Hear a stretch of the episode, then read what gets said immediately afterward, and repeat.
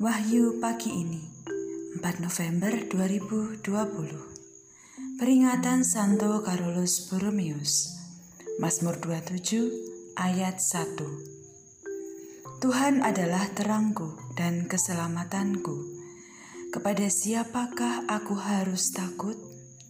Tuhan adalah benteng hidupku Terhadap siapakah aku harus gemetar?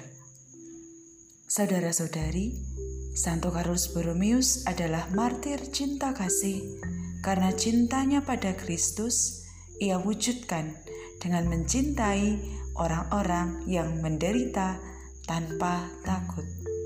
Selamat pagi, Tuhan memberkati.